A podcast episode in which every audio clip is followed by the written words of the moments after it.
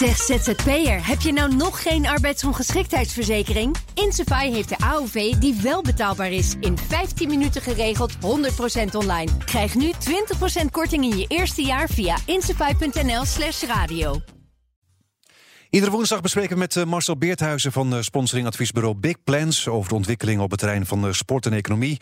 En vandaag maken we een rondje langs de velden en meten we de temperatuur van sport en sponsoring. Dag Marcel. Goedemiddag, Edwin. Ja, laten we met voetbal gaan beginnen. De commotie rond de Eredivisie werd nog eens benadrukt door de burgemeester van Eindhoven. Ja, hij vond het maar belachelijk dat er alweer gedacht werd aan een vervolg van de Eredivisie om weer te gaan voetballen. Heeft hij daar een punt? Ja, nou, ik vond dat een beetje een goedkope manier van aandacht trekken. Nou hadden we het vorige week over de eredivisieclubs... die uh, maar zelf uh, elke keer voor hun eigen beurt spreken. En dat hebben de burgemeesters nu ook gedaan. Want uh, de Pla van Breda die was bij dat overleg vorige week. En die zei, nou, laten we dat gewoon aankijken. En, en Jorritsma wilde daar echt iets over zeggen. En die vond dat het voetbal, omdat ze al nadenken... over het starten van de eredivisie, het herstarten... Hè, dat ze daarmee de volksgezondheid in gevaar zouden brengen. Ja, dat was een beetje onzin. Want natuurlijk zegt ook het voetbal... ja, eerst luisteren naar Rutte en het RIVM. Dus ik, ik vond het een hele goedkope manier van aandacht trekken... Eh, van deze burgemeester. Ja, maar lijkt het ook niet een beetje op dat voetbal... een beetje de sympathie lijkt te verliezen? Dat het lijkt zo van... Uh, ja, voetbal is natuurlijk de belangrijkste bijzaak in het leven. Dat ze die misschien te snel weer willen doorspelen?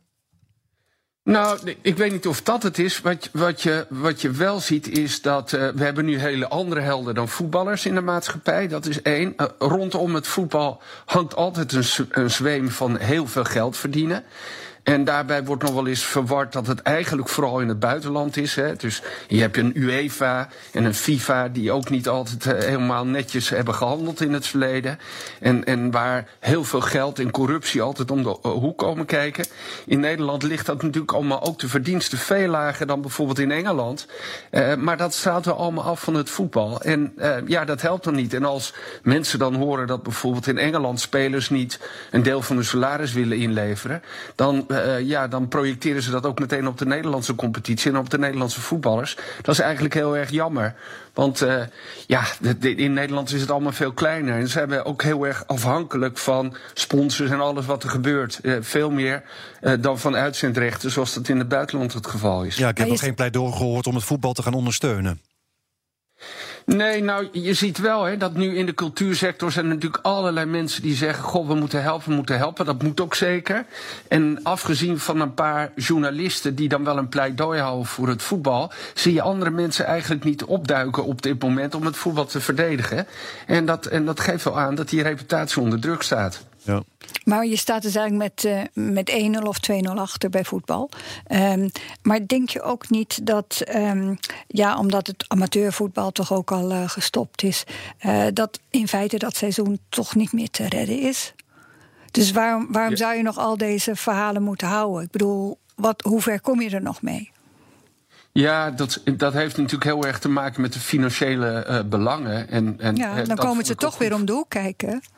Ja, ja, maar dat geldt ook voor de horeca en voor de kappers en allerlei. Iedereen is natuurlijk toch bezig om te kijken wanneer mogen we weer beginnen. Mm -hmm. En iedereen zegt ook, ja, we willen beginnen en we staan er klaar voor. Maar dat doen we pas als de overheid dat toestaat.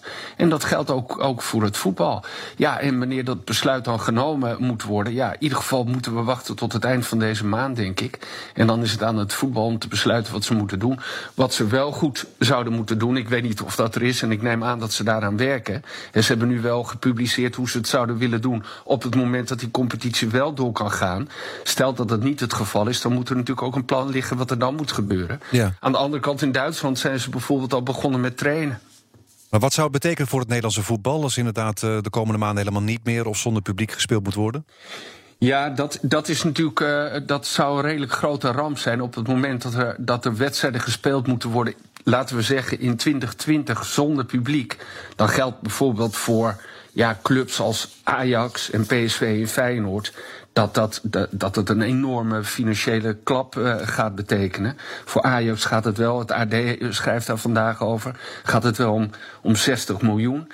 Bij PSV en Feyenoord gaat het om mindere bedragen, maar wel om hele grote aandelen van hun totale begroting. Dus dat zou echt een enorme ramp zijn als dat zou gaan gebeuren. Ja. Moeilijk te voorspellen of dat, of dat wel of niet gaat komen. En natuurlijk sponsoring komt ook nog flink onder druk te staan.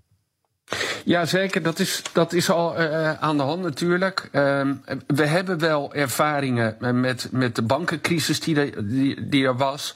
Die was natuurlijk niet zo groot als nu, maar ook toen stond sponsoring onder, onder druk. Wat je daarvan kunt leren is dat, nou ja, in ieder geval de lopende contracten altijd wel werden gehandhaafd door de sponsors, zeker door de grote bedrijven. Die willen de sport en, en, en de partijen die ze sponsoren dan ook niet in de steek laten. Wat je wel zag dat er weinig geld was voor activatie. Hè. De budgetten, marketingbudgetten zullen ook nu weer onder druk komen te staan. En dat betekent dat alle rechten die je als sponsor hebt, die moet je eigenlijk op een goede manier inzetten. Ja, daar, daar is dan vaak het geld niet voor. Wat je ook zag in die tijd, hè, dat is nu ruim tien jaar geleden, dat ook de clubs in de jacht op geld steeds meer gingen, zich gingen richten op exposure. En alle sportorganisaties, dus de shirts werden volgeplakt met allerlei logo's. Wat wel belangrijk blijft, en dat is ook nu, en dat was ook toen, en dat zal ook nu het geval zijn, denk ik, is dat relatiemarketing uh, voor bedrijven enorm belangrijk uh, uh, wordt. Je wilt toch steeds weer op zoek naar nieuwe omzet. En dat betekent dat de businessclubs in toen in het voetbal, maar in allerlei sporten, nog steeds wel een kans hebben. Dat zag je ook na de bankencrisis. Die businessclubs die bleven wel gewoon het redelijk goed doen. En misschien dat daar nog wel een kans ligt. Alhoewel dat uh, nooit zoveel geld opbrengt als, als, als een hele grote sponsor bijvoorbeeld. Oké, okay, dankjewel Marcel Beerthuizen van sponsoringadviesbureau Big Plans. Tot volgende week. Zeg ZZP'er, heb je nou nog geen arbeidsongeschiktheidsverzekering? Insafai heeft de AOV die wel betaalbaar is. In 15 minuten geregeld, 100% online. Krijg nu 20% korting in je eerste jaar via insafai.nl slash radio.